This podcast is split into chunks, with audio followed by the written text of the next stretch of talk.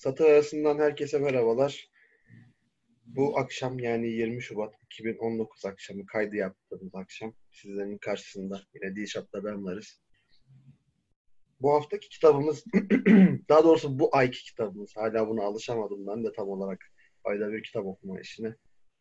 Alper Canı Gül'den Oğullar ve Rencide Ruhlar isimli iletişim yayınlarının basmış olduğu, en azından bende o baskısı var. Bilmiyorum başka yayın basıldı ama bir eser. Polisiye bir eser ama tabii e, bu kitaba ne kadar polisiye dersiniz onu size bırakıyorum biraz. Farklı kurgulanmış bir kitap. İlerleyen dakikalarda da bundan bahsedeceğiz zaten. Alper Canıgüz 69 doğumlu Türk edebiyatında yani yeni Türk edebiyatını, modern Türk edebiyatını diyeyim, takip edenlerin bileceği Afilli Filintalar isimli oluşumun bir üyesi. Yani işte Murat Menteşler. Murat Menteş vardı herhalde onların içinde. Tam onlar kim onu da hatırlayamadım şimdi bak. Onur Ünlü falan vardı galiba. Onur Ünlü var mıydı? Neyse hatırlayamadım artık. Onlardan bir üye kendisi. Sanırım Emrah Serbest bile onlardan biriydi. Neyse. Boğaziçi Üniversitesi felsefe mi, psikoloji mi? Az önce baktım ya. Hiç Dişat Bey yardımcı olmuyorsun. Psikoloji bölümü mezunuymuş. Evet. Kitabı sen önermedin mi? Kitabı ben önerdim de ya e, şimdi özür diliyorum herkesten. Ben akşam saatleri şu an saat 8. Ve ben akşam uyuyakalmışım. Biraz bu saatlerde uyuyanların da ne gibi ruh hallerine sahip olduğunu biliyorsunuz. Kera, kerahat vaktinin bulunması. Aynen, aynen. Kozmik ışınların en ışımanın en yoğun olduğu zamanlar. Dolayısıyla hala kendime gelebilmiş değilim. o yüzden.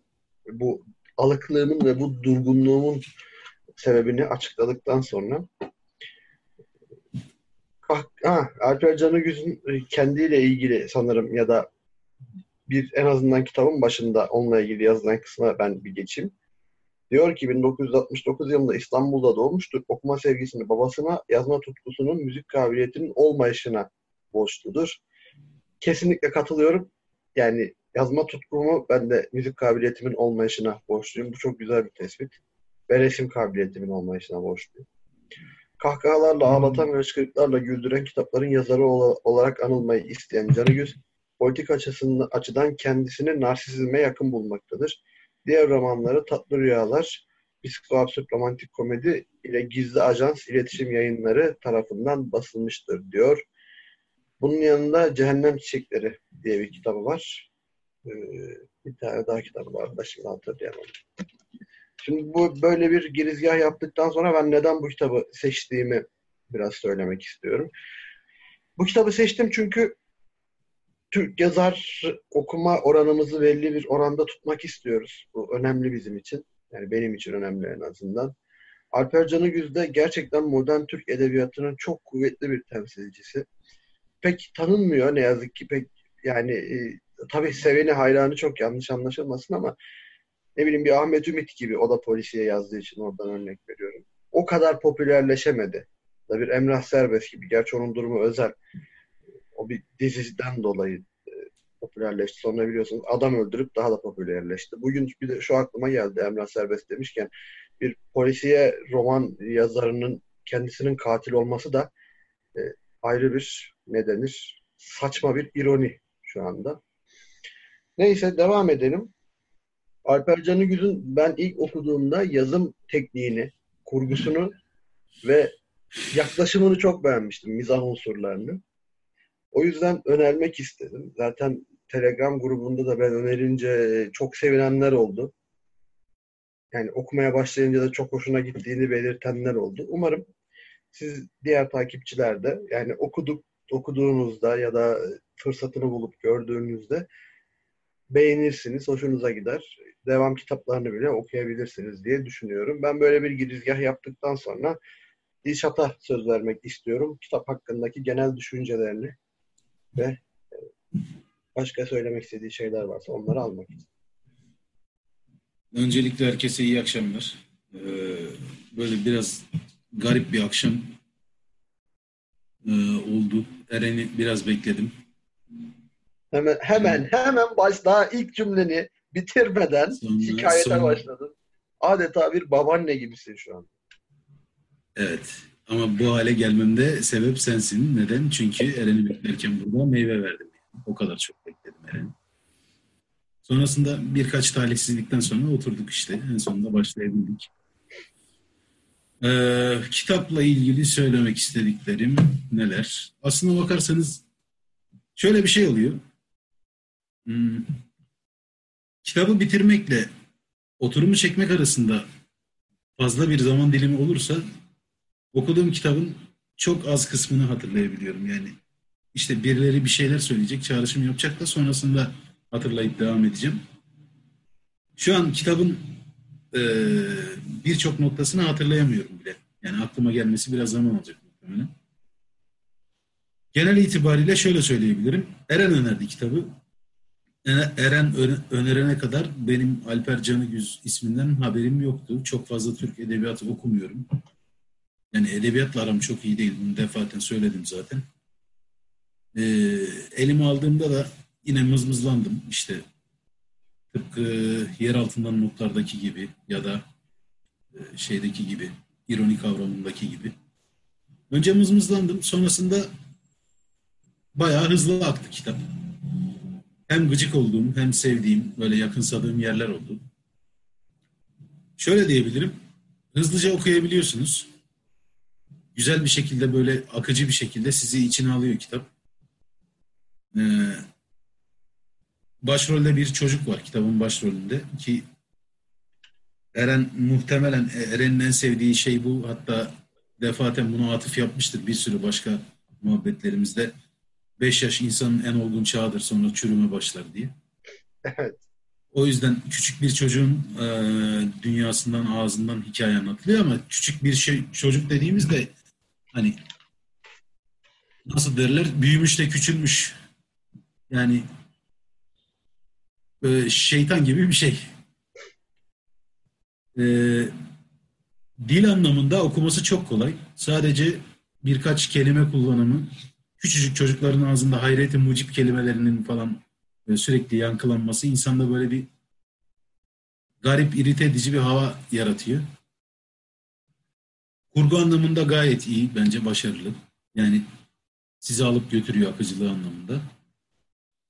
Genel anlamıyla e, nasıl diyeyim? Yani tam tarif etmek istiyorum ama beceremiyorum galiba.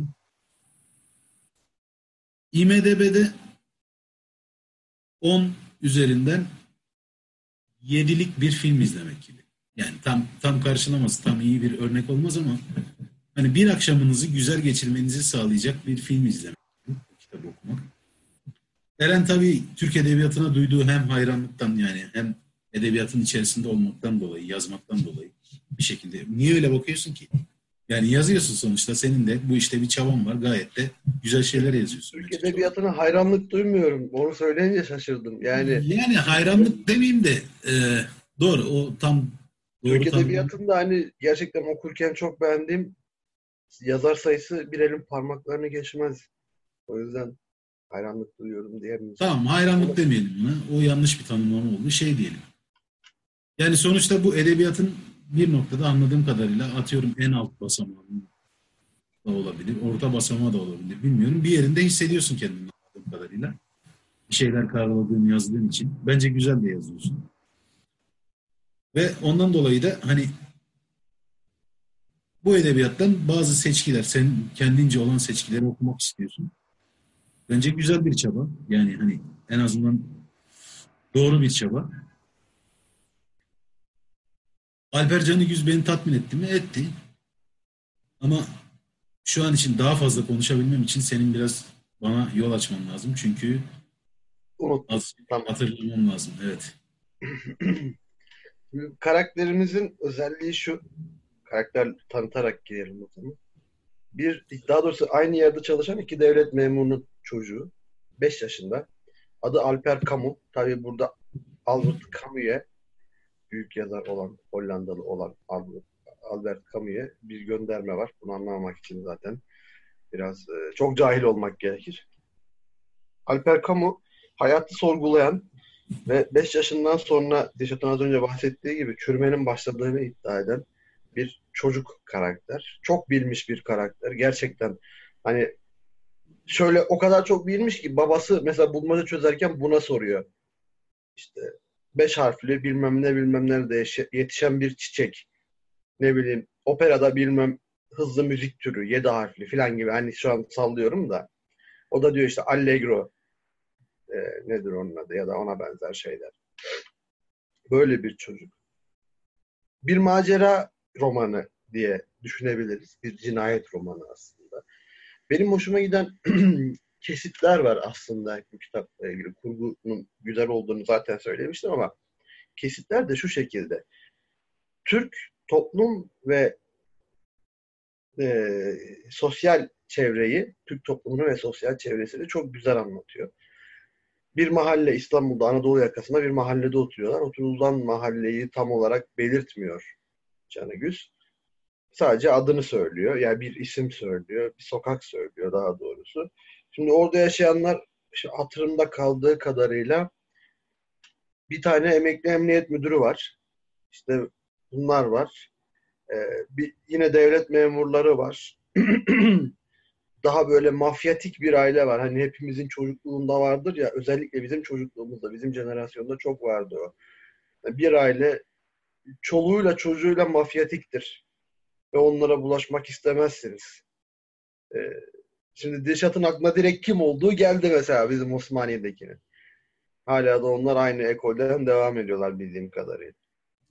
Yok şu oturuşumla ve gömleğimle mafyatik aile çocuğu gibi olmuşum. Babasının galeri dükkanı açtı. Ona güldüm aslında. Çok kötü göründüğümün farkına varım.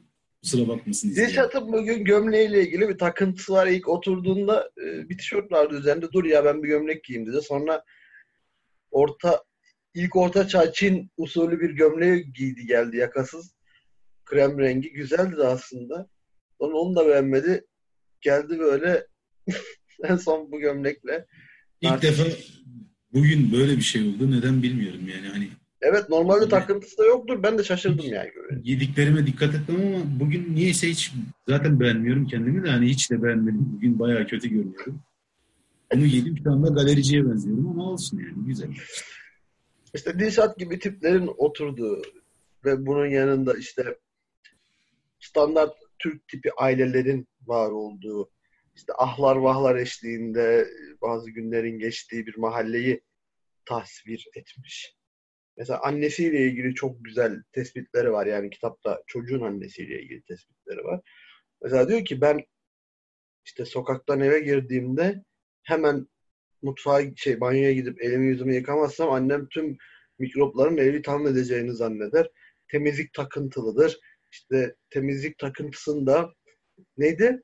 Ee, cinsel hayal kırıklıklarını bu şekilde tatmin eder gibi bir ifade var. Yani çocuk annesini değerlendiriyor burada. Bunun yanında işte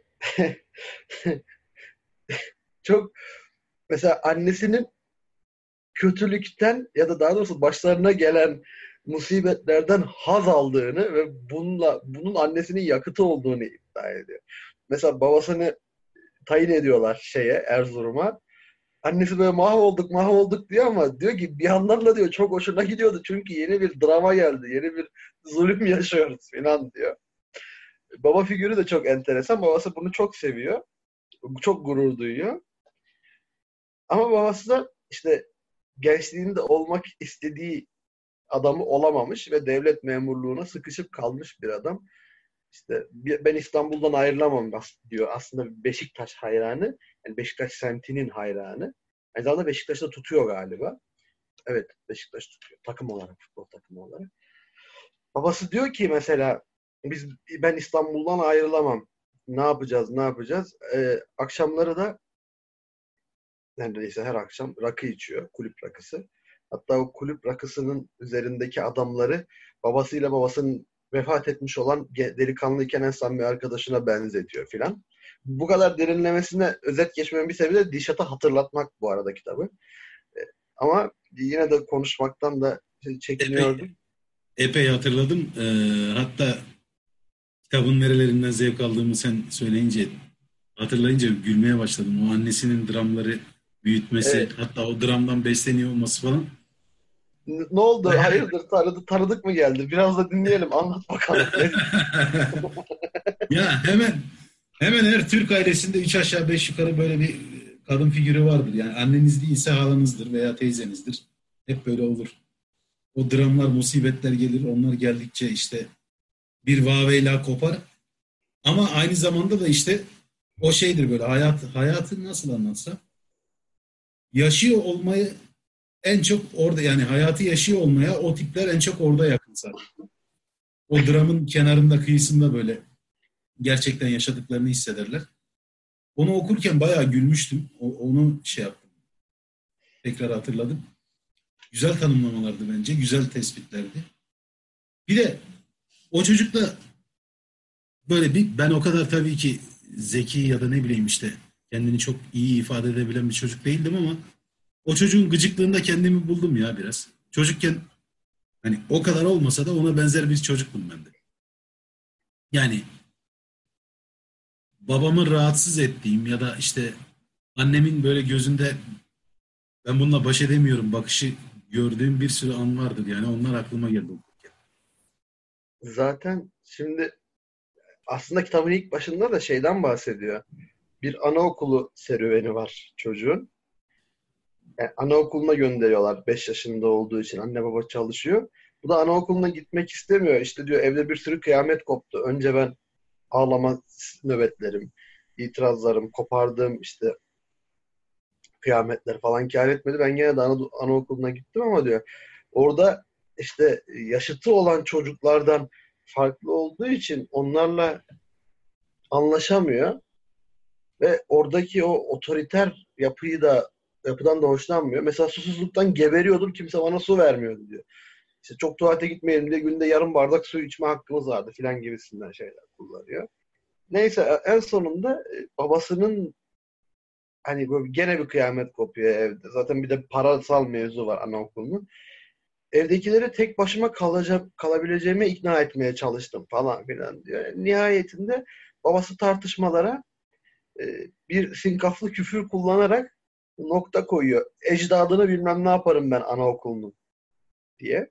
Burada e, kullanamıyoruz ne yazık ki. Ve anaokul defteri orada kapanıyor. Bu bunları çok güzel anlatıyor mesela Alper Canagüz. Tam bizim böyle çocukluğumuzda yaşadığımız gibi o geçmişteki yani belki de bana bu kadar yakın gelmesinin sebebi budur. Gerçi Alper Canagüz'ün e, yani nesli bizden büyük. 70 doğumlu, 69 doğumlu. Ben 87'liyim mesela.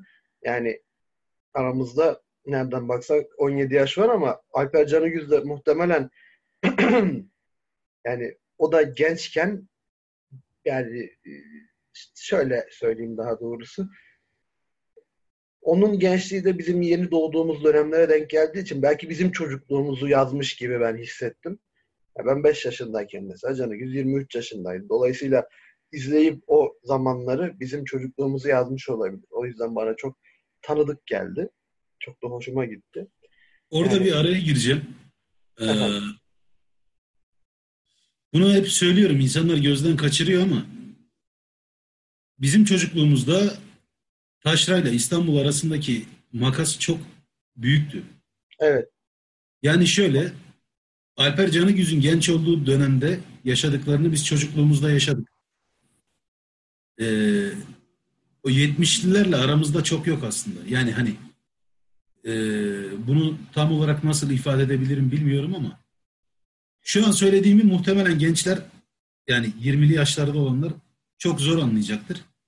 Şu an 3 aşağı 5 yukarı internetin de çok yaygınlaşmış olması sebebiyle hemen her yerde aynı düzlemde hayat yaşanıyor. Yani trendler hemen hemen her yerde aynı. İstanbul'da olan ne varsa bugün Hakkari'de, Şırnak'ta da olabilir. Instagram kullanımı, Facebook kullanımı, Twitter kullanımı çok yaygın. Ama o zamanlarda Alper Canıgüz'ün çocukluğunda yaşadığı şeyleri biz zaten 15 yıl sonra falan kendi çocukluğumuzda Taşra'da, Osmaniye'de, Adana'da vesaire ancak yaşayabiliyorduk. Yani onlar trend olarak veya hayatı yaşama biçimi olarak bizden daha öndelerdi. Aramızdaki yaş farkı şeye e, nasıl anlatsam çok da aramızda şeye yol açmıyor, makasa yol açmıyor. Yani üç aşağı beş yukarı aynı kuşak sayılırız. Onu söylemeye çalışıyorum. Şu an mesela Adana'da yaşayan bir genç çocukla 17-18 yaşında yaşayan Adana'da bir, bir çocukla İzmir'de yaşayan veya İstanbul'da yaşayan veya Ankara'da yaşayan bir çocuk arasında çok da bir fark yok. Yani trendler, güncel güncellik anlamında herkes hemen hemen birbirini yakalamış durumda. Ama bizim çocukluğumuzda öyle değildi.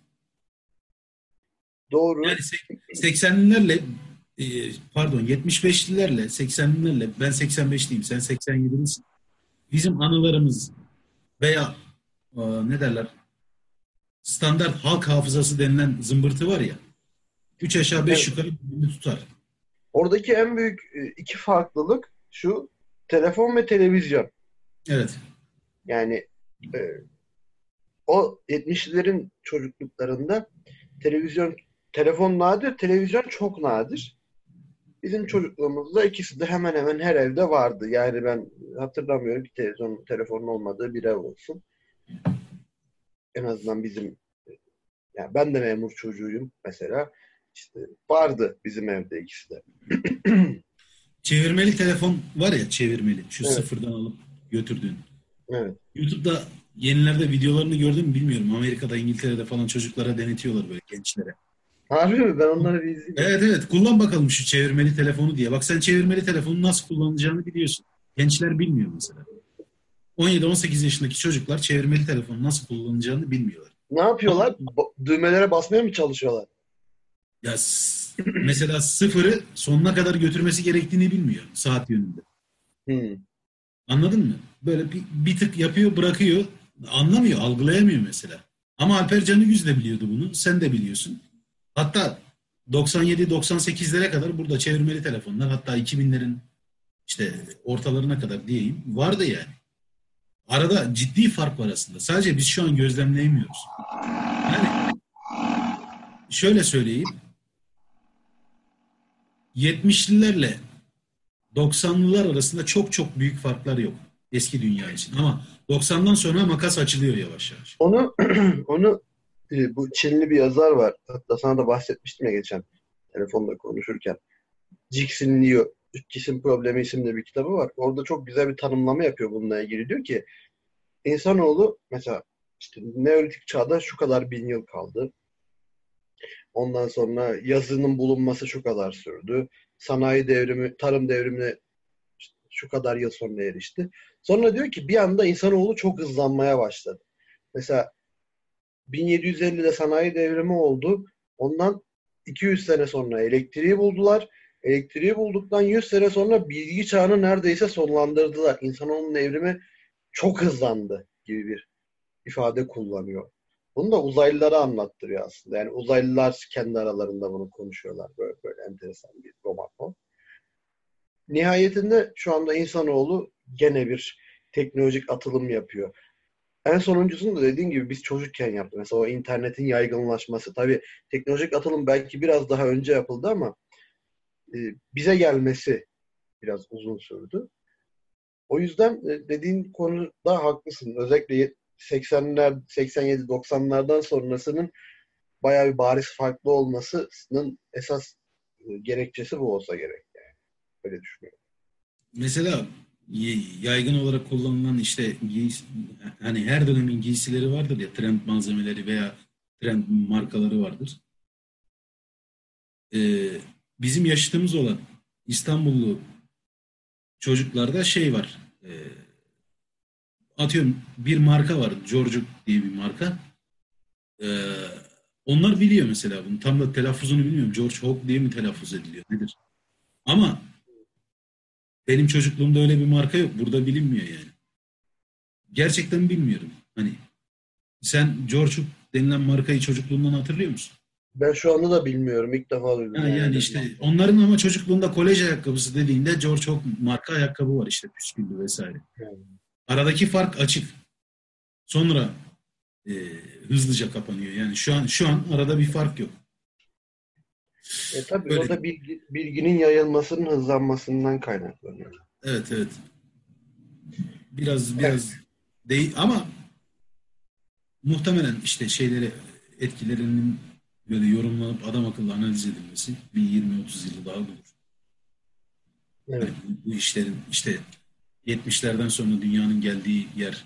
Ya bilmiyorum gelişim çok çok acayip hızlı değil mi sence de? Yani baş döndürücü bir şekilde gidiyor. Çok hızlı gidiyor. Ee, ben yeni anı oluşturamıyorum ya neredeyse. Böyle nasıl diyeyim? Ya o belki biraz da şeyden aslında pardon. Nasıl diyeyim? Yaşadığımızdan haz almadığımız için yeni anı oluşturmuyoruz. Yani çocukken ben mesela Instagram kullanmam. Hani Facebook kullanmıyorum, Instagram kullanmıyorum. Elimden geldiğince işte bir şey karşıma çıktığında telefonla fotoğraflamak yerine veya videoya çekmek yerine ona şahit olmayı e, daha çok önemsiyorum. Hani anılarım olsun diye. Garip bir şekilde yani çok çok çok da hatırlayabildiğim şeyler olmuyor. Ya dikkat etmiyorum yeterince veya bilmiyorum yani zaman akışı bir değişik gibi geliyor bana son zamanlarda. Belki de e, nasıl diyeyim dediğin gibi bir, belirli bir mutsuzluk, belirli bir sendromdan dolayı böyle. Bilemiyorum ama bir, bir sıkıntı olduğunu hissedebiliyorum. Bir de ihtiyarladın ya artık ondan galiba ya. Evet evet yaşlandım biraz. Yani öyle bir sıkıntı ikimizde de var. Daha doğrusu hepimizde yavaş yavaş oluyor. Yani bazı yazarlar ya da bazı bilim insanları insanın en iyi yaşlarının 30'lu yıllar olduğunu iddia ediyor ama bize henüz öyle bir bilgi gelmedi yani. Bilmiyorum ben sana bu arada ona katılıyorum ya. Yani ben şu an tekrar dünyaya gönderilsem birkaç şey için geçmişe dönmek isterdim. Onlar spesifik özel şeyler ama totalde hep 30'lu yaşlarda olmayı isterdim. Şöyle ben beraber yani karşılaştığım insanlardan bağımsız olarak ya da biriktirdiğim insanlardan bağımsız olarak açık ara en iyi yıllar 20, 20'li yaşlar. Çünkü 20'li yaşlarda bir geri zekalısın. Yani çok önemli. Ben en azından geri zekalıydım. Kendi adıma böyle söyleyebilirim. Ve o geri zekalılıkla, o cesaretle çok çılgın şeyler yapıyorsun. En azından ben yaptım. Bu yüzden. İkincisi, daha doğrusu en önemli şey şu abi. Bir yerlerin ağrımıyor. 20 yaşlardayken. 30'lu yaşlarda benim gördüğüm etrafımdaki çoğu insanın bir yerleri ağrıyor ya da vücudunda belli başlı sıkıntılar ortaya çıkmaya e, yol yol veriyor, başlıyor yani. Bu sporcu arkadaşlarımda da böyle. Mesela bir arkadaşım var. Adam voleybol antrenörü. Yani voleybol antrenörlüğü yapıyor. Aynı zamanda çalışıyor da başka bir yerde. Ama o adamın da sıkıntıları var mesela. yani şu andaki bizim şeyimiz e, bu vücudumda bir yerlerin ağrıması benim hiç hoşuma gitmiyor. Özellikle. İhtiyarlamak hoşuma gitmiyor. Saçımın dökülmesi hoşuma gitmiyor. Bilmiyorum senin hoşuna gidiyor mu ama. Ya benim Bak, saçım zaten hiç yoktu. Ha, sen Çok, onu baştan kabullendin yani. Hep azdı. Evet genetiğimle alakalı bir durum olsa gerek. Çok iyi değildi saçlarım hiçbir zaman. Saçın da eksikliğini çok hissetmedim. Bir de ben çocukluğumdan beri hep zaten kısa saç kestiriyorum.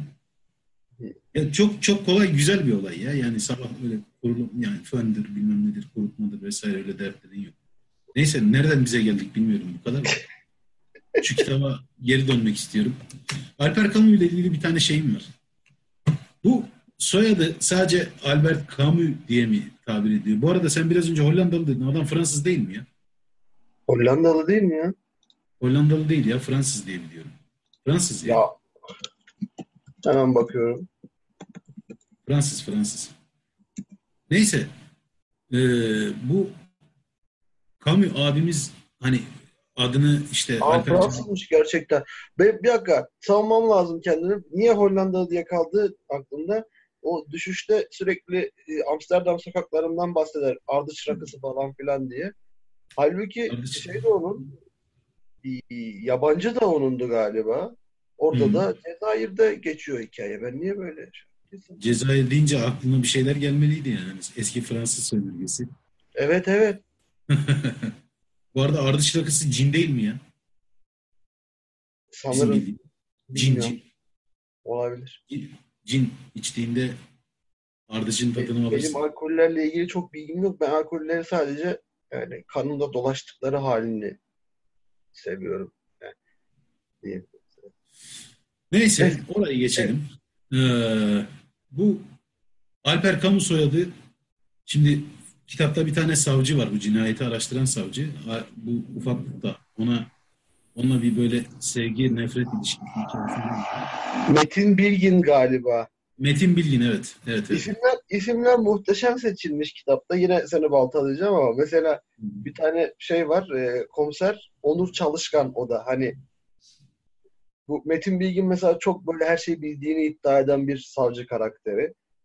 Ona göre seçilmiş. Hep ironiler var. Onur Çalışkan böyle genç ama mesela bu ilk cinayet oluyor. Cinayet şahidi olarak çocuk gidiyor oraya. Karakola Alper.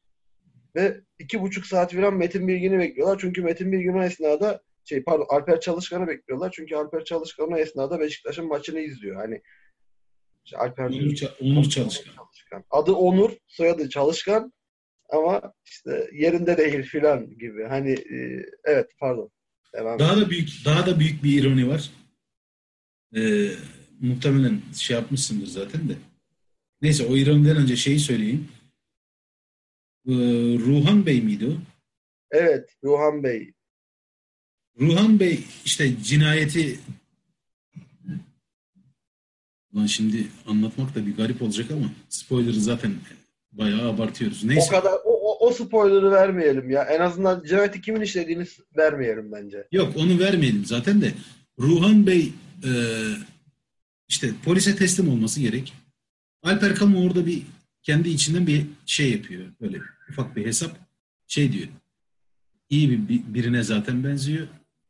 Ondan bir söz alıyor. Gidip işte teslim ol yani Ha. anlatacağına dair, gerçeği teslim olacağına, anlatacağına dair. Bu arada cinayeti Ruhan Bey işledi demiyorum bu arada. Böyle bir şey yok. Ee, orada aklıma şey geldi. Sadece Albert Camus ile bağlantılı olmayabilir. Aslında Albert Camus karakteri biraz da kamu vicdanını temsil ediyor olabilir. Yani şöyle hem iyi hem kötü. Kendini o Alper Camus denilen ufacık çocuğu, o karakteri böyle Demokles'in kılıcı gibi bir yerde, üst tarafta bir yerde hani hüküm dağıtan olarak şey yapıyor gibi, lanse ediyor gibi ya da öyle düşünüyor. Bana biraz öyle geldi. Yani sadece Albert Camus ile bağlantılıymış gibi gelmedi. Aynı zamanda adalet de dağıtıyor kendince. Kendince bir adalet sistemi var ve devletin gerçek anlamdaki savcısıyla bir şekilde işbirliği yapıyor. Onu cinayetin gerçek e, failine götürüyor. Adaleti de sağlıyor. Tabii kendince bir adaleti sağlıyor. O yüzden de işte Alper Camus diye ben ben öyle düşünüyorum. Bu arada en büyük e, pardon bir şey söyleyeceksin galiba. Bu yaklaşımını çok beğendim. Kamu vicdanının aslında 5 yaşındaki bir çocuk olması ne kadar gidiyor. Yani E, öyle değil mi? Yani o adalet dağıtıyor işte bak. Savcıyı alıyor, cinayetin gerçek failine götürüyor ki arada çok güzel işleniyor onlar. Yani çocuk bildiğiniz aslında küçük bir yetişkin gibi davranıyor ve tabii zaten cinayet çözmeye uğraşıyor sürekli. hmm, yani o soyadı sadece Albert Camus'a atfen verilmemiş gibi geldi bana. Ben öyle Hmm. düşünüyorum. Olabilir. En Yani büyük şu- ironi de benim için şeydi. Onu da söyleyeyim de bu arada kalksın. Ee, emekli başkomiser. Neydi onun adı? Ee, Emniyet. Bey. Ee, kitaptaki açık ara en utanmaz, en arlanmaz adam ama ismi Hicabi. Utanç, hicap duymak, utanç duymak demek. Adamın Evet, ismi o benim de çok hoşuma gitmişti. Hatta önce algılayamadım. Hicabi ne demek lan filan diye kaldım böyle. Sonra bir anda jeton düştü. Hicap duydu. Evet. Yani diye. Yani çok Gerçekten garip. çok arsız, çok pis bir adam. Oğullarının isimlerinin şeyine anlamlarına baktın mı? Rebi ve Şemi miydi? Öyle bir şeydi. Ha, evet, iki oğlu var. Ben bakmadım da merak ettim şimdi. Rebi, Şemi ne demek yani. Ben de bakmadım ama Rebi deyince aklıma direkt Rebiul Evvel diye bir ay ismi var ya o geldi. Ha, ha. Bakmadım, Rebi'den- evet. Şimdi biraz ufak ufak karakterlerden bahsetmek istiyorum. Mahallede özellikle mesela şey benim çok hoşuma gitmişti. Bakkal. Bakkalın araba yıkamasını anlatıyor. Tamam mı? Diyor ki mesela Gittim yanına. Abi ne yapıyorsun diye sordum. Araba yıkıyorum. İşte abi hadi yağmur yağarsa yağmur yağacak gibi görünüyor falan diyor. Olsun bir daha yıkarız. Yani diyor ki adam diyor dünyaya araba yıkamak için gelmiş. Ve diyor aslında içten içe yağmurun yağmasını istiyor çünkü ona yeni bir meşgale çıkacak. Tekrardan arabasını yıkayacak ve o jantlarını parlatacak falan filan diye. Bir de e, şimdi bu araştırmalar yapıyor. Aslında önce şuradan başlamak gerek. Bir akşam e, dışarı çıkıyor. E, ve dışarıda böyle gece vakti diyelim. Hicabi Bey sürekli televizyonu yüksek sesle dinliyor ve tüm mahalleye yayın yapıyor. Bakın herkesin öyle bir akrabası ya da şeyi de vardır. Mahallesinde öyle tanıdığı bir adam da vardır. Evinin önünden geçerken akşamları yani bizim çocukluğumuzdan bahsediyorum yine. Televizyonun sesini net olarak duyarsınız ve yayın yapar tüm mahalleye yani. Özellikle müstakil yerlerde bu çok olur. Ee, Dişat'ın yüzü güldü yine. Ve bir akşam yine sesin gelmedi. Bir sürü böyle yani insan kendinden çok şey biliyor. Çocukluğundan çok şey biliyor. Bir sürü evet. tanıyoruz öyle. İşte İcabi Bey'in evinden aşağıya eşyalar atıldığını görüyor. Koşa koşa tabii çocukluk merakı da var. İcabi Bey'in evine gidiyor. İşte merdivenlerden yukarı çıkıyor. Kapı açık bakıyor falan. Deli er, Ertan, Deli Ertan'ı görüyor Hicabi Bey'in evinde. Ve e, Deli Ertan'ın böyle elleri yüzü her tarafı kan içinde Deli Ertan koşarak buna geliyor. Bunu tutuyor, kaldırıyor, şarkı söyleyerek döndürüyor ve yere bırakıyor. Sonra içeri giriyor. Hicabi Bey'in gırtlağı kesilmiş emekli emniyet müdürünün ölmüş. Hikayemiz böyle başlıyor aslında. Ve bunun şahit diye götürüyorlar işte falan filan. Gelelim bakkala. İşte araştırmalarını yaparken çeşitli kendi kafasında şüpheliler belirliyor. Onlar hakkında diyor ki yani mahalleyi en iyi bilen kim olur? Bakkal olur. Yani o yüzden bakkala gidiyor. Önce bir iki soru soruyor. Bakıyor adam böyle şey nedir onun adı? Pek hevesli değil. Bir kutu bal alıyor bakkaldan. Ailesinden habersiz. Yazdırıyor onu bir de üstüne. Sonra o bala hatta başkasına rüşvet veriyor filan. Ee, ve bakkala ondan sonra sorular sormaya başlıyor. İşte, mesela Deşat'ın dediği Ruhan Bey onun şüphelilerinden. Ruhan Bey'i soruyor. Bakkal da yani şey diyor işte şöyleymiş böyleymiş bir sürü yalan yanlış hikaye anlatıyor da işte okuldan komünist olaylardan dolayı mı atılmış mı bilmem ne şöyle böyle. En son bakkal diyor ki aslında diyor yani yüzü filan da güzel diyor ya. Böyle bir cümle geçiyor. Ondan sonra diyor ki çocuk kendi kafasından düşünüyor Alper Kamu. İşte bastırılmış eşcinselliğini de burada bize gösterdikten sonra filan gibisinden. Yani o kadar böyle güzel minik minik tespitler yapıyor ki kitap boyunca. Hakikaten okurken kahkaha attığınız kısımlar olacaktır. Ya da olmuştur okuduysanız. O bakkal mevzusunu böyle okurken aynı zamanda işte son zamanlarda yaşadığım şeylerden etrafta böyle meraklı tipler vardır. Hep bir şey sorarlar ama hiçbir şey anlatmazlar. Her zaman bir bilgi alma peşindedirler. Haklarında çok bir şey bilmezsiniz siz. Ama onlar sizin hakkınızda epey şeyler, epey şey bilirler yani. Ne yediniz, ne içtiniz, nereye gittiniz, kimle takıldınız vesaire bu, bu tip şeyleri. Bakkal orada nasıl diyeyim mahallenin dedikodu e, merkezi kaynağı. Yani bundan gurur duyuyor bir de öyle bir şey var. Evet evet. Bütün bilgiye haiz olmaktan gurur duyuyor. Bunu satmayı hiçbir şekilde şey görmüyor bu arada. Ee, abes ya da ne bileyim ayıp bir şey gibi görmüyor. Ama şöyle hani seçicilik yapıyor. At, kime vereceğini bilgiyi o istediği gibi e, belirliyor. Ve e, hiçbir soruyu sormuş olmak için sormuyor. Hani bazı soruların cevapları var biliyor zaten ama genel itibariyle soruların hepsi şeye yönelik. Ee, bir şeyler böyle biriktirmeye yönelik sorular. Son zamanlarda iş yerinde falan çok yaşıyorum böyle. Bakkal tipli adamlar var. İlk önce konuşmaya konuşmuş olmak için başlıyor. Sonrasında da sorduğu sorudan sonra aldığı her cevabı kafasının arkasında bir yerlere atıyor. Sonrasında kullanayım falan diye. Mesela dert diyalog kurmak değil, dert monolog. İlk önce sorularını sorsun, sonrasında cevaplarını alsın ve defol git. Onu yalnız bırak. Çok garip ya. Yani Mesela bir had, sınır işte ya ben acaba bu soruyu sorabilir miyim? Bir insan, karşımdaki insan bu sorunun sorulmasından rahatsızlık duyar mı? Veya ne bileyim bunu benimle paylaşmak istemez gibi, gibi hiçbir çekince e, hissetmiyorum. Direkt, Bir de onların, direkt sorulabiliyor. Onların bir versiyonu daha var.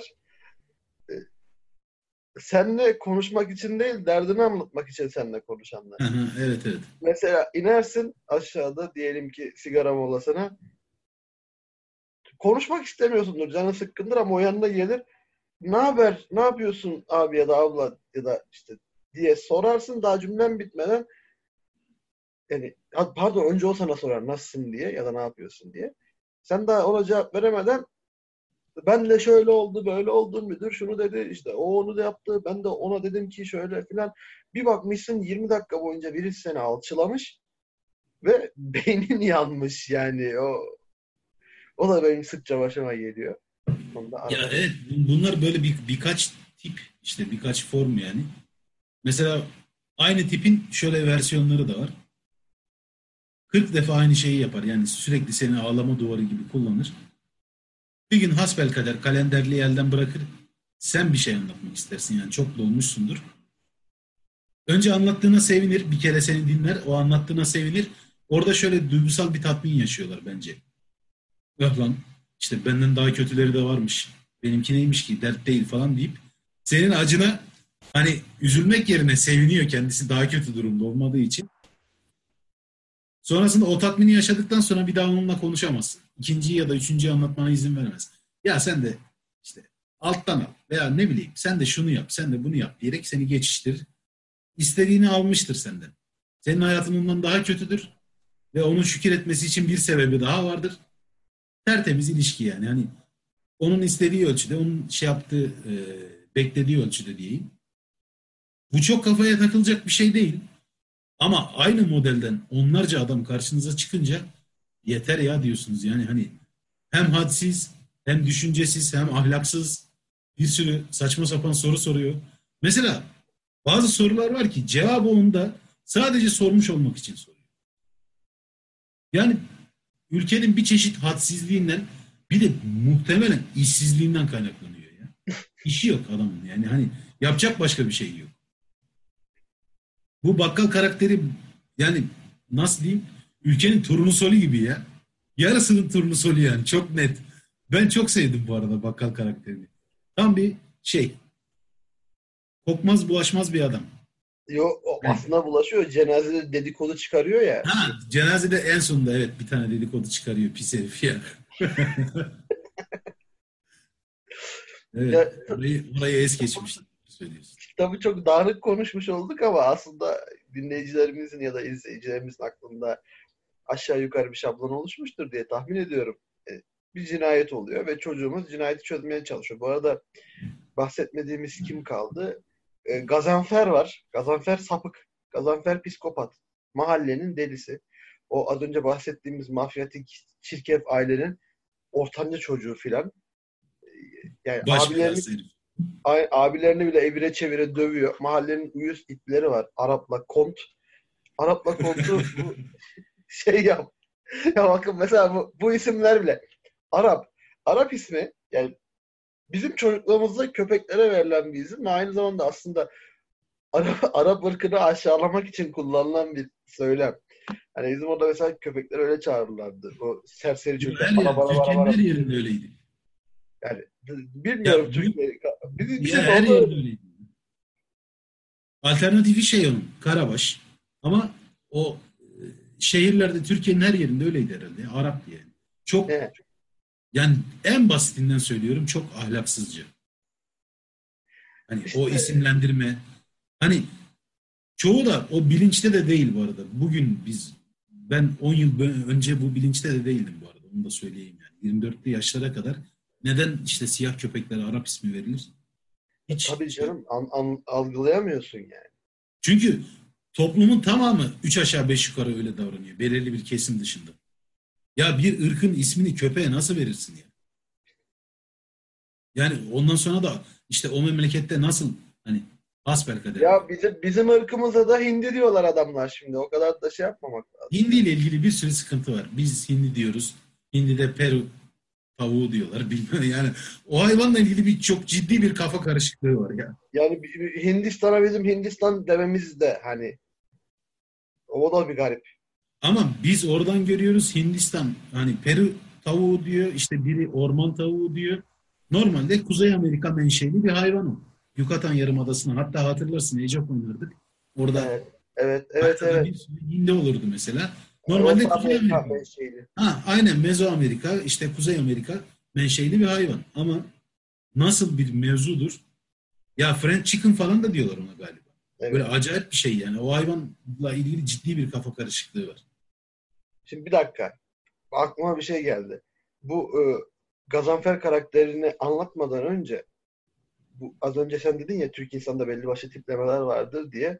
Onunla ilgili ben bir deney yaptım bundan bir iki sene önce. Ankara'da yaşayanlar ya da yaşamış olanlar bilirler. Aslında çok zor bir yeri de anlatmayacağım. ODTÜ'nün A1 kapısı vardır Eskişehir yolunun kenarında. Eskişehir yolu şu şekilde. Üç gidiş, üç dönüş şerit, altı şeritli yol. İşte bir tane üst geçit var orada. Bu kadar. Şimdi biz üst geçidin bir tarafında arkadaş beni arabasıyla bıraktı. Sola doğru sinyal verdi. Açılırken bir tane araç e, şey şey e, özel halk otobüsü diye geçiyor. Geldi yandan vurdu ve dikiz aynasını kırdı. Biz tabii böyle hadi hemen halledelim gidelim derken özel halk otobüsünün şoförü polis çağırdı. Biz de orada kaldık. Kilitlendi trafik. 3 saat falan bekledik. Polis gelecek diye. Bu epey oluyor bu arada. İki yıl falan oldu bu olaya galiba. Neyse sonra arkadaş gitti. Polis geldi falan filan. Ben üst geçitten karşıya geçtim. Aşağı indim. Orada bekliyor olan bir taksiye bindim. Ve biner bilmez aklıma şöyle bir şey geldi. Dedim ki bir deneme yapayım. Taksiciye dedim ki abi ya dedim bu ne ya? Karşıda bir saattir bekliyorum dedim. Bu neyin trafiği? Ne olmuş? Göremedim de falan dedim. Adamlar gitmiş dedi. Abi dedi o iş kolay kolay çözülmez dedi. Aynen böyle. Ne oldu abi dedim. Ya dedi bir tane siyah Volvo var. Bir tane de otobüs var işte halk otobüsü. Arada bu arada 30 metre yok ha. iki yani. Karşılıklı yollar. E dedim işte otobüs dedi Volvo'ya yandan git, girmiş dedi. Volvo'nun iki kapısı da pert dedi. Aynen böyle ama nasıl anlatıyor? E dedim hata kimin dedim. Hata Volvo'nun abi yola çıkmış falan dedi. E ne olacak dedim. Vallahi dedi bilmiyorum ama o Volvo'dan bir daha hayır gelmez bence filan dedi. Güzel güzel anlattı böyle. Yol boyunca konuştuk sonra ben evde indim. Araba Citroen Cerato. Arkadaşın arabası. Taksicinin bana Volvo diye anlattığı araba. Citroen Cerato. Tek tutan yer siyah olması. Onu da herhalde görmüş bir şekilde. Ee, arkadaşın sadece dikiz aynası kırıldı. Yani Senin başka bir hiçbir ilgili bir sıkıntın var. O Kia'nın modeli değil mi lan Serhat'ın? Kia Serhat. Ben- Ay, Kia Cerato. Evet evet Kia Cerato. Affedersin. Tam bir pisliğim. Tam bir pisliğim. de- yok kafam dönüyor yani yapacak bir şey yok. Ee, Kia Cerato adam bana Volvo diye şey yaptı işte neyse. A- Kapısında kapısında hiçbir şey yok. Yani pertlik bir durum zaten yok. Arkadaş ondan sonra 150 liraya mı ne dikiz aynasını yerine taktırdı. Yani 100 liraya mı hani tüm masraf bu. Sonra ben şunu düşünmeye başladım. Bu adam neden böyle yaptı? Neden böyle bir senaryo yazmaya ihtiyacı hissetti? Çünkü bizim toplumumuz daha önceki oturumlarda da bunu konuştuk. Özellikle insan olmak oturumunda çok çok konuştuk. Kabile halinde yaşadığı için diğerlerinin acısından ya da zevkinden böyle haz almak, özellikle acısından haz almak gibi bir şey var. Ve o of of o Volvo var ya pert olmuş. Böyle hani aa diye üstünü yırtası geliyor adamın zevkten o Volvo'nun pert olduğu. Ki, ama ortada Volvo diye bir araba bile yok ki. Yani o, o olayın içinde. Orada biraz, biraz şey de yok mu ya? Hani ben önemli bir adamım. Mevzuya şahit oldum. Tabii Hani- ya o da var. Hani acı bilmiyorum tabii bilinçaltında onu, onu incelemek lazım da. Mesela görmüş gibi anlatıyor değil mi? Her şeyi yaşa, kendi yaşamış gibi anlatıyor. Tabii O tabii. falan. Kulaktan kulağa mevzusu gibi yani. Hani ulan şahit bile olmadığın bir kaza nasıl anlatıyorsun? İşte Heh, İşte en önemli son, hissetmek istiyor. en son en sonuncu da suç Volvo'nun dedi yani bizim arkadaşa atıyor suçu. Suç o halk otobüsünün çıktığı nihayetinde. Yani bir de o var. Onu bile yani söylediği hikaye doğru olan tek şey siyah araba hikayesi. Yani başka hiçbir şey yok. Ve Güzel. 30 metre ilerisinde gerçekleşiyor tüm olaylar. Çok enteresan ya. Yani böyle bir deney ya, yap. Yani, mesela enteresan enteresan olan aslında ona cevap veriyor olması. Sadece şunu diyebilir. Bilmiyorum. Yani bilmiyorum. neden, o yok. Neden, bizim neden yok? Bilmiyorum. Yani bilmek zorunda değilsin. Kimse senden bunun hesabını sormaz. Bilmiyorum. Bir de konuşma da uzamaz. As yani süper boncuk gibi cevap işte. Bilmiyorum ya bu kadar basit. Sonra yolunuza devam edersiniz. Sen dışarı bakarsın. O yoluna bakar. Burada biraz e, şey olacak. Hani özel bir şey anlatmış olacağım belki ama erkeklerin berberleriyle ilişkisi özeldir. Bunu herkes bilir. Adana'ya taşındım ilk yıllardaydı. Yakında çok yakında bir berber var. Oraya gittim işte.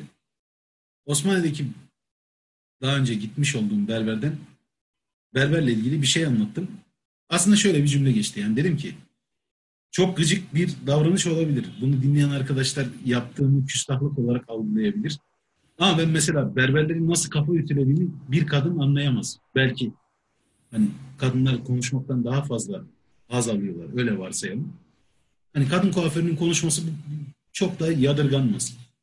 Ama bütün berberleri katmıyorum. Tenzih ederim bazılarını. Lütfen linç etmeyin mümkünse.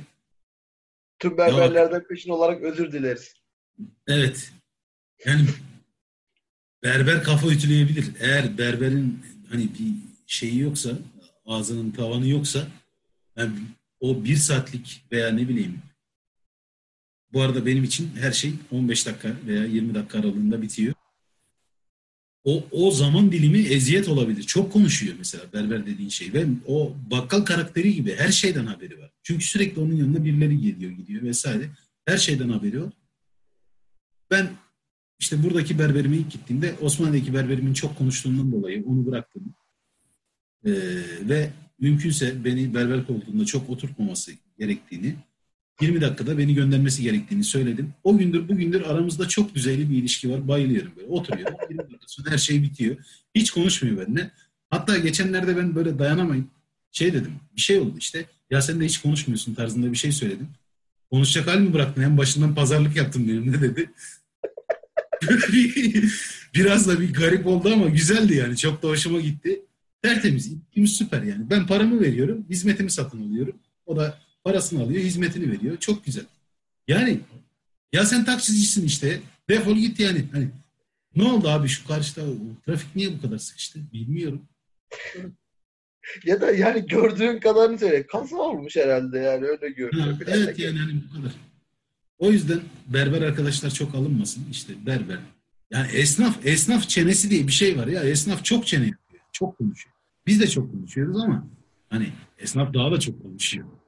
Ya hayır biz en azından ayda bir falan konuşuyoruz. Bir de biz kimseyi zorlamıyoruz. Şimdi bizim bakkallarda o çok var özellikle. Adam bırakmıyor. Abi ekonomi ne olacak? Abi paramız yok. Ya, bakkal bana sürekli para soruyor. Yani para anlatıyor daha doğrusu. Mal alamadım, şu olmadı, bu döndüremiyoruz. Kim piyasa ölü filan. Ya 10 dakika, 15 dakika bir iki defa oldu. Sonra böyle sürekli böyle alıp bir ayağım dışarıda çıkıyorum falan kaçıyorum hemen. Evet buradan esnaflarımıza sesleniyoruz. Lütfen biraz dikkatli olalım bu konuda. Şu şey var ya neydi o zımbırtı? Ee, temassız ödeme. Ha. Bu yaygın yaygınlaşıyor ya. Vallahi hayat kurtarıyor ya. Hiç öyle diyaloglar olmuyor. Çok güzel. Gidiyorsun, veriyorsun, tak çıkıyorsun yani tertemiz. Sadece muhabbet etmek istediğin veya sohbet etmek istediğin, iletişime girmek istediğin adamla iletişime girebilirsin. Böyle teknolojinin bu yanlarını çok seviyorum ben. Hoşuma gidiyor benim. Evet. Ama diğer türlü o parayı işte para çok ömel mevzusunda parayı verdin çok ömeli alana kadar o para üstü gelene kadar aman tanrım mevzular nerelere nerelere gidebiliyor. Evet. Çok üzücü gerçekten. Bu da yine ben hep aynı yere bağlıyorum ama Türk insanının bireyselleşememesinden kaynaklanıyor galiba.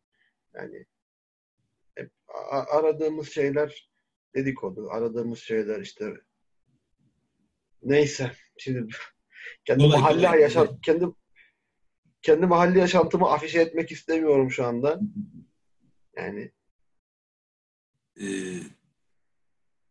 bunun altında bireyselleşme mi yatıyor bilmiyorum. Eskisi kadar takmıyorum ya bu mevzuyu. Abi şöyle bak bireyselleşme Dur. derken bu- buna tersten bakmak lazım. Şimdi mesela nasıl diyeyim sana? Kendi hayat kendine saygısı olan adam, kendi hayatına müdahale edilmesini istemeyen adam başkalarının da bunu istemeyeceğini anlar ister istemez yani. Bunun farkında olur. Ya mesela benim berber bir ara sürekli bana şey yapıyordu. Berberle bakkal yan yana bu arada. Böyle bir talihsizlik var. Berber bana şey yapıyordu. Ya bir alıyorum eve gidiyorum. Bir ara sıkça alıyordum. O abi o filan. Hani lan oğlum sana ne? Yani sürekli her akşam böyle abi bak gene içiyorsun. Bir gün mesela ice tea aldım. O abi bu akşam içmiyorsun filan. Berber deyince aklıma bir şey daha geldi. Anlatmadan duramayacağım. Kuzenimi berberi e, aylık periyotta taciz ediyor. Telef WhatsApp'tan yazıyor böyle. Abi işte şeyin geldi. Hani tıraş zamanın geldi falan diye. Ya ber- berber değil. İs, istihbarat teşkilatı herif. Yani onu nasıl kaydediyorsun? Ne zaman geldiğini nasıl şey yapıyorsun? Kaç tane müşterin var? Nasıl bir işsizliğin ürünü? Yani bu abartı değil. Ee, kuzenim Telegram'da bizim grupta eğer isterse kendini hani afişe etmek isterse yazabilir. Ya geçen bana gösterdi inanamadım yani. What? WhatsApp'tan yazmış adam. Kuzenim cevap vermeyince yani hani o an işleri yoğunluğunda devam etmeyince şöyle bir şey olmuş. Instagram'dan daha öncesine dair, daha öncesine ait bir fotoğrafını paylaştığında Instagram hesabına şöyle bir mesaj atmış. Bu gerçek yaşanmış olay. Abi işte hani nokta nokta abi e, bir yanlışımız mı oldu? Başka bir berbere gitmişsin saçların kesilmiş falan diye. O da daha öncesinden bir şeymiş. ya şu. TBT muhabbeti. Ya inanamadım yani hani taciz ne boyutlara taşınmış inanamadım ama çok güzel hikaye ya yani WhatsApp'tan yazıyor cevap verilmiyor telefonla taciz ediyor yine dönülmüyor en son artık Instagram'dan yazıyor bir yanlışımız mı oldu falan diye. Yani bu nasıl bir ilişki nasıl bir hizmet ilişkisi para ya para veriyor adam sana sen de ona hizmet veriyorsun. Neden çetelesini tutuyorsun adamın? Bir ay sonraki işte ya tıraşın geldi diye yazmış ya adam. Şu an beynim yandı. Gerçekten berberim bana tıraşın geldi diye yazsa ben Berberin Evet, sana tıraşın geldi diye yazamaz anladığım kadarıyla aynı sokakta görüyor zaten seni. Sen başkasına Evet. Aa, o benimki de şey yapıyor bak. Abi gel bir tıraş edeyim. Gerçi benim de hani biliyorsunuz. Ben de dalga geçiyorum. Ben berberimin adı Fatih. Biraz da benden yaşça bir iki yaş küçük. Fatih diyorum. Şey yapıyorum. Sen e, saçımdan tasarruf ediyorum. Hani sana diyorum her ay gelemem öyle. iki ayda bir falan geliyorum. Onun parasıyla içiyorum ben falan diyorum. O da hoşuna gidiyor. Aa abicim falan. Yani evet işte Alper Canogüz'ün kitabını önermemin aslında sebeplerinden bazıları da bunlardı. Yani bu Türk mahalle hayatını bu laçkalaşmışlığı, bu cıvımayı o kadar güzel anlatmış ki işte o bahsettiğim mesela Gazanfer karakteri psikopat çocuklara işkence ediyor. Normalde 17-18 yaşında ama 4-5 yaşındaki çocuklara salça oluyor. Köpeklere böyle tut tut tut falan yapıyor mesela. Çocuklar, köpekler çocuklara var mı? Her mahallede vardı ya öyle tipler. Aynen. Yani onun dışında aa bak şey karakteri kaldı. Kilit bahsetmediğimiz. E, Erkin'le Koray kankalar var. Mahallenin rakçıları, Rakçı delikanlıları. delikanlılar. E, Bir de en önemlisi şey var. e, Alev abla var. Alev abla aşık olduğu karakter şeyin. Mesela Alev, Alev isimlendirmesi de bir şey. Aynen Ateş. aynen. Direkt oradaki ateş yani. Dokunma yanarsın. İyi. Aynen. Sonra şu Alev karakterinin Alev adının kafalarda yarattığı çağrışımı Alper Camus'un işte ona yansıması ve sonra kitabın en sonunda ortaya çıkan bazı gerçekler dolayısıyla yani çok güzel kurgulanmış anlatmaya çalıştığımı. Mesela beni en çok etkileyen karakterlerden biri de o Erkin'le Koray'ın evindeki kızdı.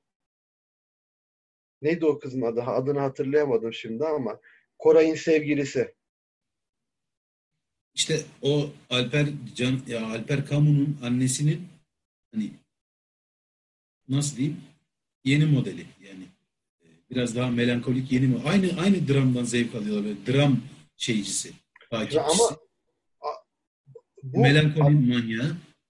Alper Canıgül'ün annesi, yani Alper Kamu'nun annesi pardon. Daha şey mesela diyor ya tüm e, ablaları erken yaşta evlenmişken o 30 yaşına kadar evlenmemişlikle övünür filan gibisinden. Hmm. Ama o kız öyle değil. O kız biraz daha farklı. Evet var mı melankolisi? Doğru. Var. Ama onun melankolisi artık sadizm seviyesine gelmiş. Yani ben herkesi sevdiğini iddia ediyor. Erkin'in onu sevdiğini iddia ediyor filan. Böyle işte bir senaryolar yazmış. Uçuk senaryolar. Yani düşündükçe komik geliyor. Tam böyle o tarz karakterleri tanımışlığım var gerçekten. O karaktere hiç takılmadım hatta. Yok ben takılmadım. Şey böyle e, hoşuma gitti yani. O karaktere değinilmiş olması hoşuma gitti. Okurken hissettiğim şeyi söyleyeyim mi sana? Söyle. Eskiden CD, CD'ler olurdu ya. Neyler? Böyle çok çok CD. Bildiğin ha. CD. Hani çok sevdiğin bir müziğin müzik albümü CD'de böyle bir çizik olurdu işte atıyorum lanet olasıca hep şeye denk gelirdi. Çok sevdiğin şarkıya denk gelirdi. Evet. Çok çok sevdiğin şarkının içerisinde e, o denk gelen boşluk, o çizik gibi. Yani öyle bir karakter benim için. Ya da Erkin'le Koray'ın hayatında da öyle. Öyle hissettim ne bileyim orayı okurken. Hani CD'deki çizik işte. Can sıkıcı orada var olduğunu biliyorsun. Hani hiç geçmiyor ama e, totalde zevk almaya devam etmeye çalışıyorsun gibi. Öyle hissetmiştim. Evet. Bir tane e, heh, buyur abi. Devam et. Lütfen lütfen devam et. Bir değinmek istediğim son bir yer kaldı benim. E, çok önemli olduğunu düşündüm. Aslında bir konsept bu. Annesiyle babasının devlet memuru olması. Devlet memuriyeti ile ilgili çok güzel tespitleri var. Alper Canigül'ün, dolayısıyla Alper Kamu'nun. İşte babasına bir gün diyor ki beni yarın servise şey e, işe götürür müsün? Sabah kalkıyorlar servise biniyorlar. O servisi bir tarif edişi var o kış gününü. Yani o kadar güzel olabilir. Hayatı mahvolmuş e, bir servis dolusu devlet memuru diye giriyor konuya. Yani işte aralara sıkışıyorlar. Servis uyku ve sıkışıklık kokuyordu filan diyor. Yani e, Sonra şeylerden bahsediyor işte babasının iş yerinden bunu bir odacıya görevlendiriyorlar. Odacıyı daha doğrusu bunun başına veriyorlar filan kaybetme diye. Onun seviyesinin bir noktada sabit kalışından o odacının. Bir de şoför şoförün adı neydi ya? Şoför sonra da bir kahramanlık yapıyor ya. Mus ne ile başlayan bir isim? Mustan mı? O bilmem ne de. Muslu Muslu muydu? Değişik bir adamdı evet o isim. Onun da muhtemelen şeyi vardır. Bir ee... filmdeki şey filmdeki diyorum özür diliyorum. Kitaptaki tek kalender karakter. Evet. Hatta çok onunla ilgili çok şeyler yapıyor. Nedir onun adı? Sonunda çok güzel bir cümle kullanıyor. Evet, şimdi bulamayacağım galiba. Bakıyorum ama bir yandan.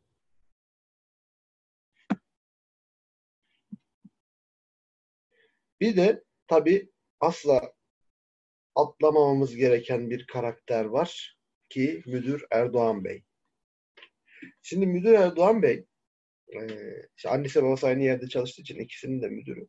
Babasına takmış durumda. Babası eski komünistlerden çünkü. Müdür Erdoğan Bey de kolormatik gözlüklü bir adam. Tırnak içinde kolormatik gözlüklü bir adam. Şimdi kolormatik gözlüğün ne anlama geldiğini aşağı yukarı burada herkes biliyor.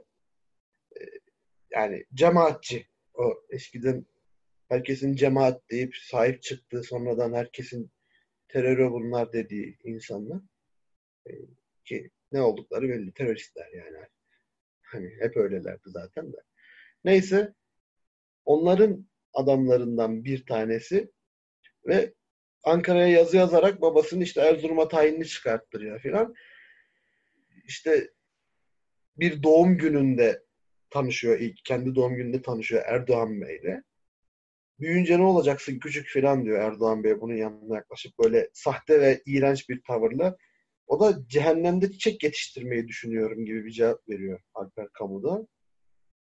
İşte onun, ondan sonra iyice gıcık olmaya başlıyor Erdoğan Bey bundan. Yani işte ülkenin barındırdığı insan tiplemelerini o kadar güzel anlatıyor ki, o kadar güzel tasvirlemiş ve böyle bir kitaba sığdırmış ki benim çok fazla hoşuma gitmişti özellikle ilk okuduğumda. Evet Dişat bir şeyler Ruhan söyle. Bey, Ruhan Bey karakteri de benim hoşuma gitti. Ee, iyi bir betimlemeydi. Genel itibariyle karakterler hep çok bizden olduğu için rahat okunuyor dediğim gibi. Ee, işte 90'larda çocukluğunu yaşamış çocuklar rahatça okuyabilecek 80'lerde 90'larda. Ee, ama o vurgu yaptığımız internetin gelişmesi yani aradaki makasın açılması, daralması geyiğini e, çok da kafanızdan çıkarmayın. Yani değişik bir olay. Bizim bu kadar yakınsamamızın temelinde işte şey yatıyor. Alper Camus'un çocukluğunun bizim çocukluğumuza çok benzemesi yatıyor. Ya da e, o dönemin daha büyük şehirlerinde yaşayan çocukların çocukluğuna benzemesi yapıyor diyeyim. Genel itibariyle keyif, keyifli bir şey olacak. Okuma olacak diye düşünüyorum. Bir de aklıma şey geldi. Yine en başta söylemiştim. Tekrar söyleyeyim. O hayreti mucip kelimesi özellikle mi kullanılıyor? Ne kadar Ya irite- onu, onu muhtemelen bir ailesinde babası mı kullanıyormuş da onu da kitaptan bahsediyordu. Babası mı?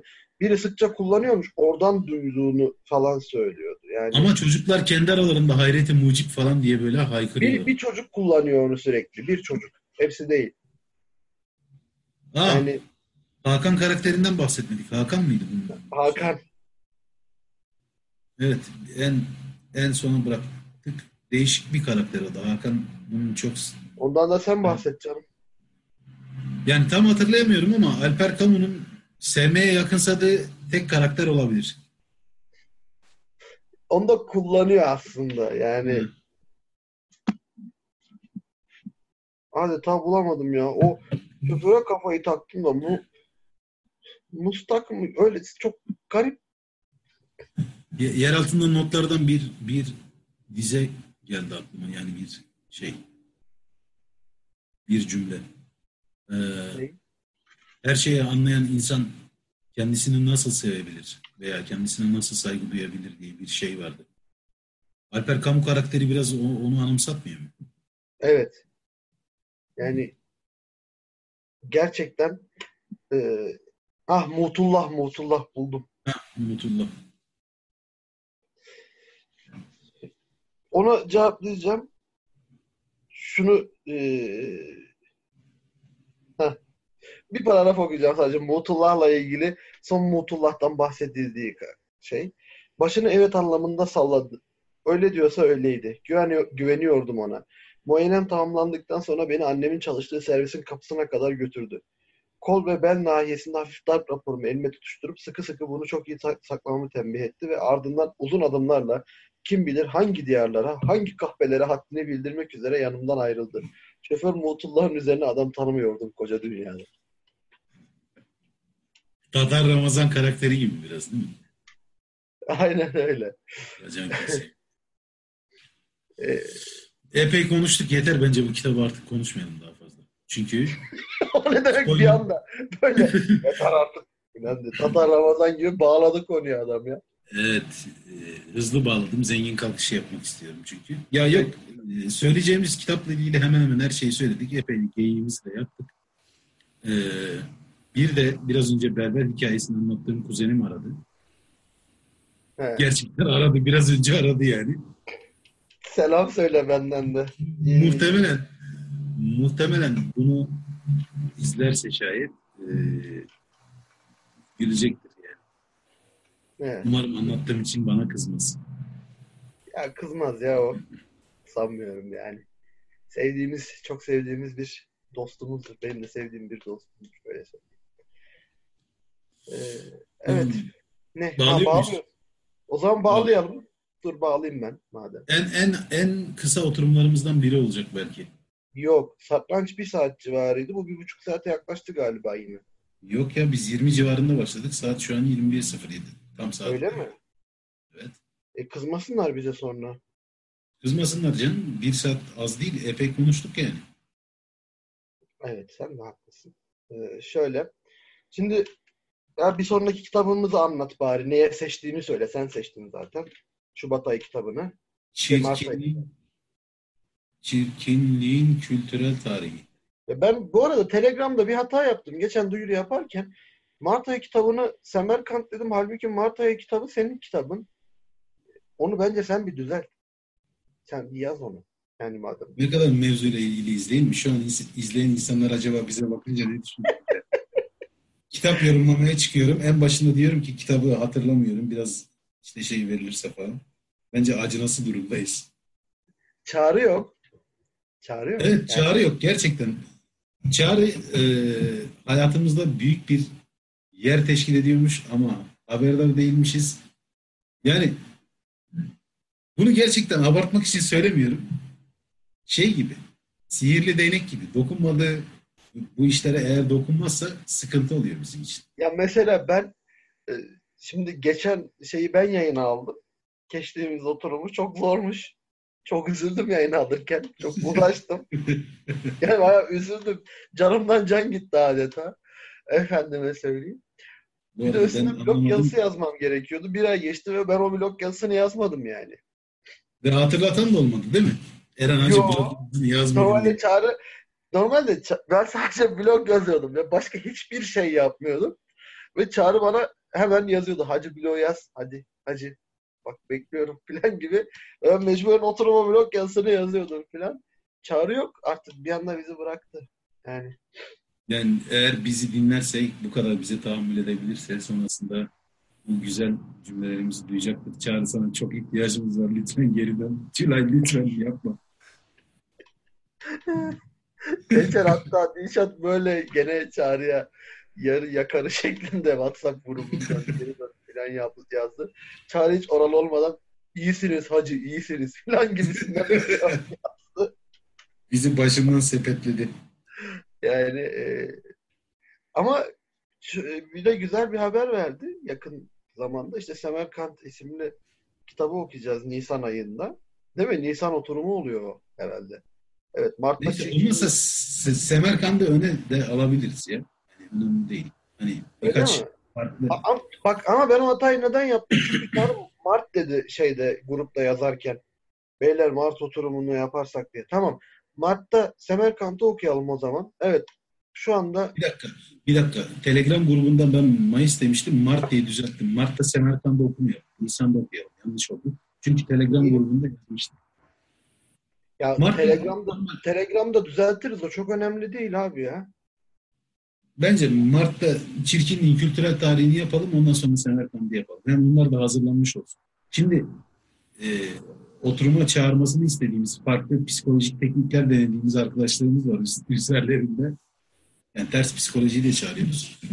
Kendi arkadaşlarımızın bazıları yola çıkarken işte bizimle beraber oturum yapacaklarını söylediler ama e, herkese zor geliyor. Kaçıyorlar yani bir şekilde. Kaçtılar. Sadece son biz ikimiz kaldık. Hani çağrı kaçmadık. Çağrı'nın özel nedenleri var. Tabii Çağrı, Çağrı kaçtı diyemeyiz. Çağrı seni çok seviyoruz. Ee, ama diğerleri e, buradan isimlerini zikredip e, rencide etmek istemiyorum kendilerini. Rencide'yi de boş ver. İsimlerini zikredersen kendilerini önemli zannederler bir de. Pis herifler. Neyse işte hepsi kaçıyor bir şekilde. Onlara da böyle şey yaptık. Nisan oturumu falan dedik. O kalsın. Nisan- Mart ayı Nisan Çirkin- değil. nasıl? Nisan değil Mart dedik. Hatta Çağrı'da e, WhatsApp grubuna bakarsan Mart ayında yaparsanız katılırım gibi bir ifade kullanmış. Bence bu riske girmeyelim ve Çağrı'yı alalım yani Mart. Diğerleri gelmezse gelmesin ya. Çağrı tek başına gelse Ya yeter. Çağrı'nın-. Çağrı'nın olmadığı ne kadar belli oluyor. Şurada Mart, Nisan falan diye konuşuyorduk. O olsaydı en başında konuşmuş buraya hazırlanarak çıkmış olurdu. Evet. Gerçekten acınası durumdayız ya. Çok kötü yani. Neyse. O zaman Biz buna tamam. bir... Heh, Evet, söyle. evet. Buyur, buyur lütfen. Biz buna bir karar verelim bence. Bu işi bir şey yapalım. Evet. Netleştirelim. Ondan sonra bir belki duyuru yayını yapabiliriz. Daha güzel olur. Şöyle iki dakikalık hangi kitabı okuyacağımıza dair. Sen yapar mısın bunu? Ee, hayır yapma. O zaman niye ya, yapabiliriz diye. Yani sen yaparsın diye. Ben böyle şeyleri yapmam biliyorsun işte. O zaman şunu desene Eren bir duyuru yayını yapabilir filan gibisinden. Neden sanki çorbada tuzun olacakmış gibi davranıyorsun? Neden insanları yanlış yönlendiriyorsun? Çünkü kendime Evet. pay çıkarmak. Öyle Ve bir şey yok. hiçbir, hiçbir ahlaki beis görmüyorum. Yani. Hiçbir sıkıntı yok benim açımdan. Şöyle söyleyelim. Tamam bu işi fazlaca uzattık. Ee, önümüzde okuyacağımız iki tane kitap var. Kuvvetle muhtemel görünen Mart ayında e, Amin Mağolof'un Semerkant'ını okuruz. Ama diğer türlü e, yani iki kitabı söyleyeyim önce. Biri Amin Mağolof'un Semerkant'ı, diğeri de onu Çağrı şu anda istedi. Diğeri de Dilşat'ın önerdiği e, Gretchen E. Henderson'ın Çirkinliğin Kültürel Tarihi isimli kitabı. Bu ikisini okuyacağız. Yani bizle beraber kitapları okuyan arkadaşlar varsa bu ikisini gönül rahatlığıyla temin edebilirler. Okumaya başlayabilirler. Zaten Sadece sıralama değişebilir. evet sıralama değişebilir. Zaten e, şu an Şubat'ın 20'sindeyiz. Biz Mart çekiminde muhtemelen Mart'ın ikinci yarısında yaparız diye tahmin ediyorum. Yani e, hızlı ya da iyi okurlar zaten bir aydan fazla süre var. İkisini de bitirirler. Semerkant çok kalın bir kitap değil. Bu Dişat'ın önerdiği çirkinliğin tarihi, kültürel tarihi de çok kalın bir kitap değil. Yani bitirebilirsiniz rahatlıkla. Ee, öyle bir şey var. Başka bir yapacağımız duyurumuz var mıydı? Dişat var mıydı? Duyuru muyuru bir şey. Ee, Bana soruyorsan bayağı kötü haldesin. Yok yani ne bileyim. Yok. Ee, bir ara bir kitap oturumu yapacağız diye söz verdik. Yaparız inşallah.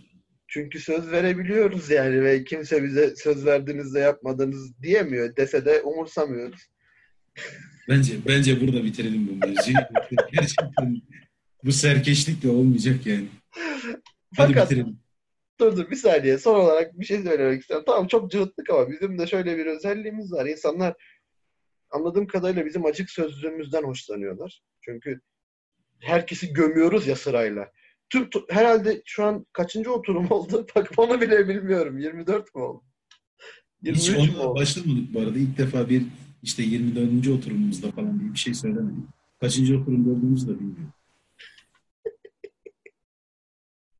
Ya bence biz son son 15 dakikayı komple atalım ya. Keselim burayı. Çağrı olsa silmeyi de biliyordu da ben onu da bilmiyorum. Yani hani şimdi ne yapacağız? Koyacağız mecburen gidecek. Neyse 23. oturumdayız şu anda. Ve muhtemelen tüm toplumsal grupları sıra sıra gömdük. Kalmadı elimizden uçan kaçan pek. Dolayısıyla biz de böyle çok mata adamlar değiliz. Biz de işte böyle gördüğünüz gibi gevşek gevşek konuşan çenesinin yayı tutmayan insanlarız yani. Öyle bir durum var. Sanki bir şey düşünüyorsun gibi. Söyle söyle. Söyle bari. Düşündüklerimi söylemeyeceğim. Çünkü 1 saat 15 dakika oldu. Bu oturumun en kısa oturum olmasını istiyorum. Neden böyle bir hissiyat var içimde bilmiyorum ama artık bitsin. Oturum en kısa oturumumuz olsun. Çok güzel çünkü ya. Yani bence gayet keyifli konuştuk.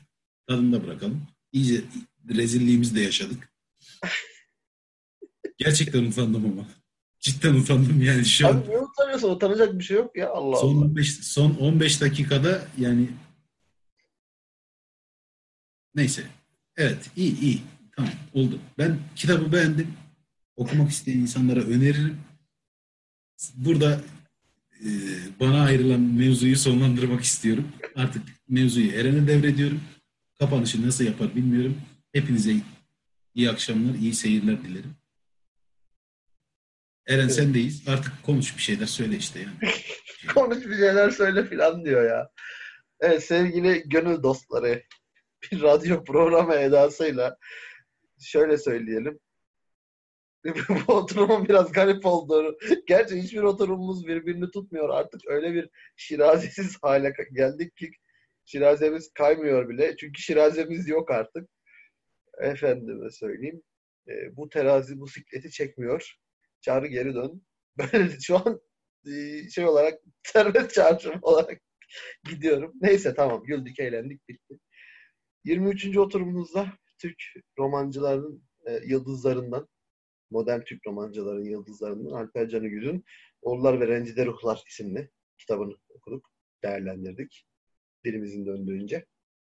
Dilşat'a açık sözlülüğü, açık yürekliliği için teşekkür ediyorum. Ee, özellikle berberlerle olan e, nasıl denir? Özel, çok özel anlarını bizle paylaşıp ortamı ısıttığı için kendisine müteşekkirim. Önümüzdeki aylarda Nisan ve Mayıs ya Nisan ve Mayıs Mart nereye gitti?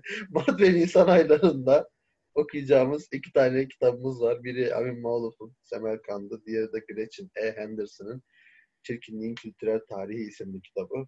Ee, ikisini de bizle beraber takip edenler alır, alıp okuyabilirler. Ee, oturumlar işte gene bir ay sonra Mart, diğer bir ay sonra da ondan bir ay sonra da Nisan'ı çekeriz diye düşünüyorum. Söz verdiğimiz film oturumunu bir ara yaparız diye düşünüyorum. Bir ara hakkında. Yani ne ara diye sormayın. Hiçbir fikrim yok. Evet. Sanırım bu kadar. Dışarıda ekleyeceğim bir şey var mı? Yok galiba. Şu son kapanışı sana vermek de iyi yapmadım gibime geldi ama hadi bakalım. Evet. Hadi kapatalım. Neyse Hepinize tamam o zaman iyi Dişat'ın da söyleyeceği bir şey yoksa görüşmek üzere. Takipte kalın ya da kalmayın. Bilmiyorum. Biz konuşuyoruz her Güzel. halükarda. Ne? Pis herif. ya ben bu YouTube kanallarında şeylere çok gıcık oluyorum da işte bizi takibe devam edin. İşte yukarıda şey var ona tıklayın. Aşağıda şey var ona tıklayın. Tıklayın tıklayın. Biraz daha devam edersen bu oturum yayınlanmayacak farkında mısın bilmiyorum. Ya yok hayır bir dakika tamam bitiriyorum ciddi ciddi. Hiçbir şey yapmanıza gerek yok. Dinlemek istiyorsanız dinleyin. Biz her türlü konuşuyoruz zaten. Bence fena da değiliz yani. Ben olsam ama dinlemezdim onu da söyleyeyim. Çünkü dinleyici tarafında olsaydım bu yayınları yapıyor olmazdım muhtemelen. Eren alkol muayenesine ihtiyacın var mı? İçmedim ya. Ice tea içiyorum vallahi ya. Aa burada bak. Reklama girmesin de yani. Neyse. Son kullanma tarihi geçmemiştir. Evet. Teşekkür ediyoruz herkese. Özellikle Dilşat'a çok teşekkür ediyoruz. Görüşmek dileğiyle önümüzdeki ay. Hoşça kalın. Hoşçakalın. Ee, kitapla kalın.